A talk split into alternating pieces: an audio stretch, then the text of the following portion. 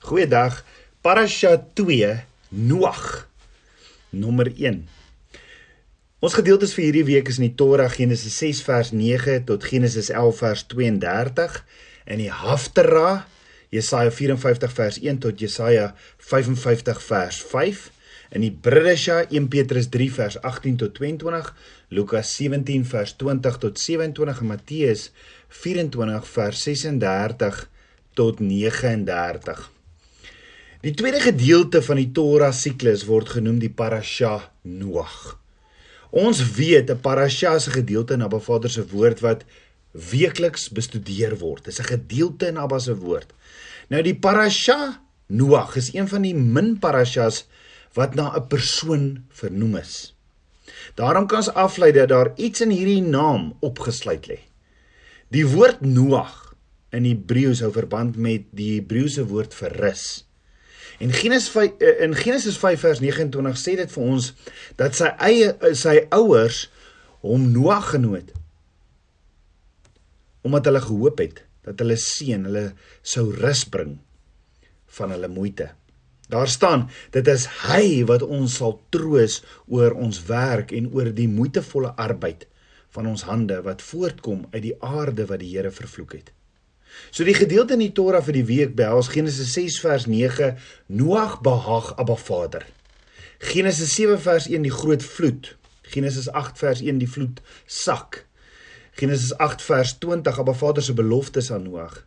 Genesis 9 vers 1 die verbond met Noag. Genesis 9 vers 18 Noag en sy seuns. Genesis 10 vers 1 die nasies afkomstig van Noag. Genesis 11 vers 1 die toring van Babel. Genesis 11 vers 10 die afstammeling van Sem en vers 27 die afstammeling van Terah. Die gedeelte in die Haftarah vir die week wat saam bestudeer word sien ons behels in Jesaja 54 vers 1 die ewige verbond van vrede en dan Jesaja 55 vers 1 die uitnodiging tot oorvloedige lewe.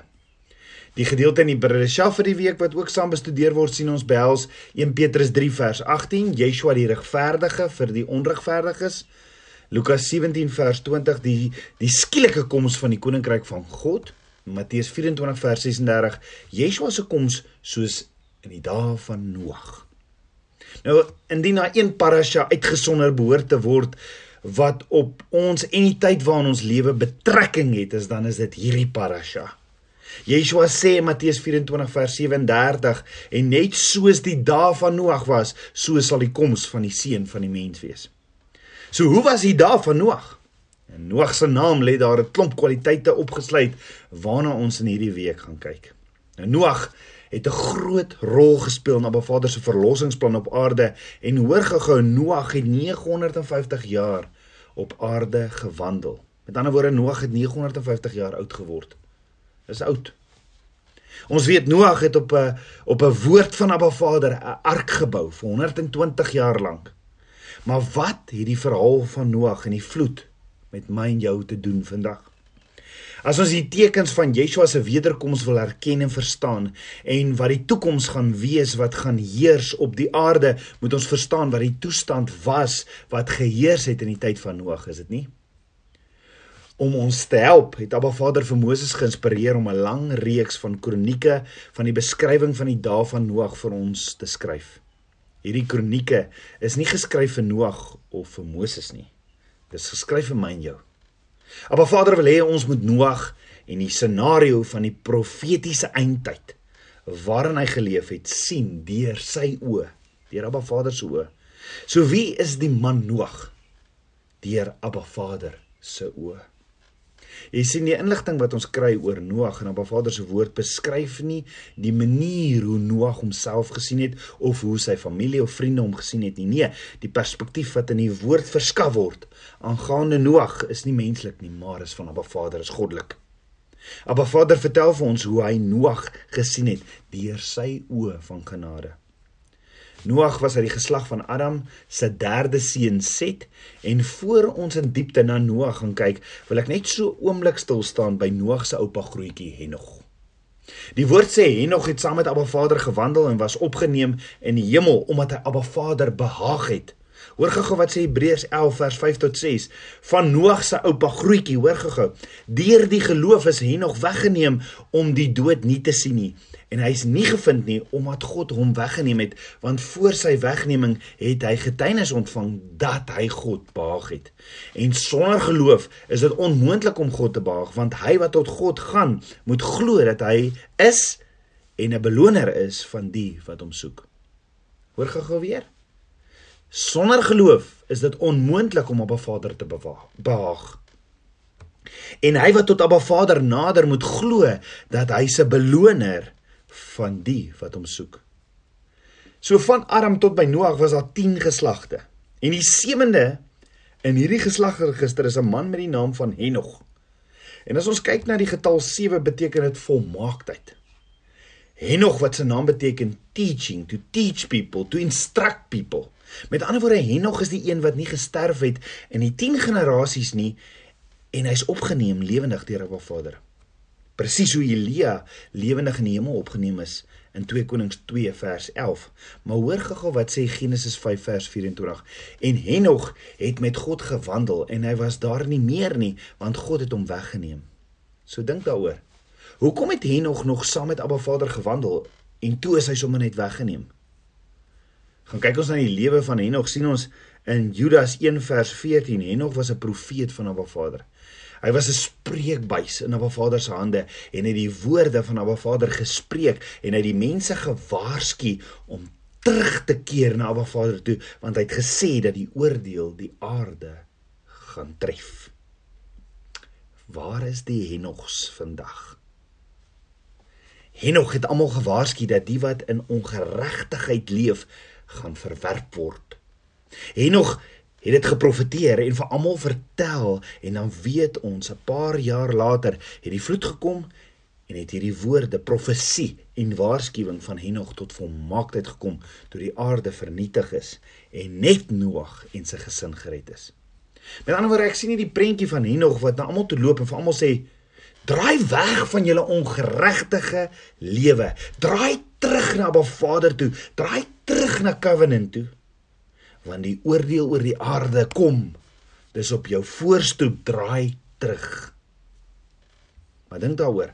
As Noag gedoen het wat Abba Vader van hom gevra het en hy was hierdie kragtige spreekbuis in Abba Vader se hande, hoekom het Abba Vader vir Henog lewendig kom wegvat? Is dit dalk omdat niemand na Henog wou luister nie? Maar tog tog is daar een saadjie wat geplant is. Maar voor ek te ver hardloop, In Hebreërs 11 vers 15 sien ons Henog het Abba Vader behaag. So hoe kan ek en jy Abba Vader ook soos Henog behaag? Hebreërs 11 vers 6 sê sonder geloof is dit onmoontlik om om om om God te behaag. Johannes sê dan ook in 1 Johannes 3 vers 21 tot 22 geliefdes As ons hart ons nie veroordeel nie, dan het ons vrymoedigheid teenoor God en wat ons ook al bid, ontvang ons van hom omdat ons sy gebooie bewaar en doen wat welgevallig is voor hom. Omdat ons sy gebooie bewaar en doen wat gevallig welgevallig is voor hom. So Johannes sê twee dinge vir die kinders van Abba Vader: die wat sy gebooie bewaar en die wat doen wat welgevallig is voor Abba Vader. So wat kan ek en jy doen wat Henog gedoen het wat welgevallig is vir Abba Vader? Dis myn jou geloof. Jakobus sê geloof sonder werke is dood. Dis ons geloof wat welgevallig moet wees vir Abba Vader. Dit kom alles terug na deur geloof in hom kry ek die ewige lewe. Paulus skryf hier dade van my gehoorsaamheid sal my redding volg. Dan sê die woord Henog het saam met Abba Vader gewandel en die Hebreëse stamwoord vir wandel is halak wat beteken to walk, to go, to die. Met ander woorde dis om dood te gaan in hierdie eie ek en net te loop waar Abba Vader my lei. Met ander woorde om die stuurwiel van my lewe oor te gee aan Abba Vader en te sê Abba, nie meer my wil nie, maar U wil Vader. Jy sien om te stap of om te wandel saam met Abba Vader is die maklikste en die en ook die moeilikste ding in die wêreld. Want ons wil so graag beheer hê oor alles, nê? Nee. Dit beteken dat waar hy ook al my lei, gaan ek en jy saam. Dit beteken wat ook al hy doen, doen ons. Wat ook al hy sê ek moet sê, sê ons. Yeshua sê in Johannes 5 vers 19: "Voorwaar, voorwaar ek sê vir julle, die seun kan niks uit homself doen tensy hy die Vader dit sien doen nie, want alles wat hy doen, dit doen die seun ook net so." So dit vereis 'n totale oorgawe van hierdie eie wil, 'n bereidwilligheid om te fokus op op 'n Vader se elke beweging, sy elke stem Dis 'n aangeleerde sensitiwiteit vir sy elke verbale en nie-verbale aanwysing. Het jy al ooit gekyk na na 'n goeie boldansers, hierdie baldansers wat saam dans? Dit lyk of hulle soos een beweeg, 'n een eenheid is. Hulle doen ah, Dis net amazing hoe hulle dit doen. En hoe doen hulle dit? Die man lei en die vrou volg. Die vrou leer om te reageer op die man se nie-verbale aanwysings en sy vloei met die man se bewegings. Sy gee toe aan sy wil en as ge, as 'n gevolg daarvan vloei sy saam met sy bewegings. Hy beweeg, sy regeer. Na rukkie begin sy om sy bewegings te vervag en sy memoriseer die stappe. Maar sy gee nie 'n tree totdat hy dit doen nie. Sy maak geen beweging behalwe om te reageer op sy bewegings nie. Is dit nie hoe dit is om saam met Abba Vader ook te wandel nie? Wat van ek en jy gaan staan vandag op die danssaal of die dans danssaal se vloer en sê vir Abba, Abba, hier is ek. En ons laat hom toe om ons in sy arms te neem. Begin dalk soos 'n klein dogtertjie en staan op die voorpunt van Abba Vader se skoene, so te sê, en laat hy jou weer meevoer soos 'n lap op begin dan geleidelik te reageer op sy bewegings een tree op 'n slag en dis waar ek hom begin vertrou. Wanneer jy begin om die musiek van die skepping te hoor speel, dans. Ja, dans weer saam met jou Abba.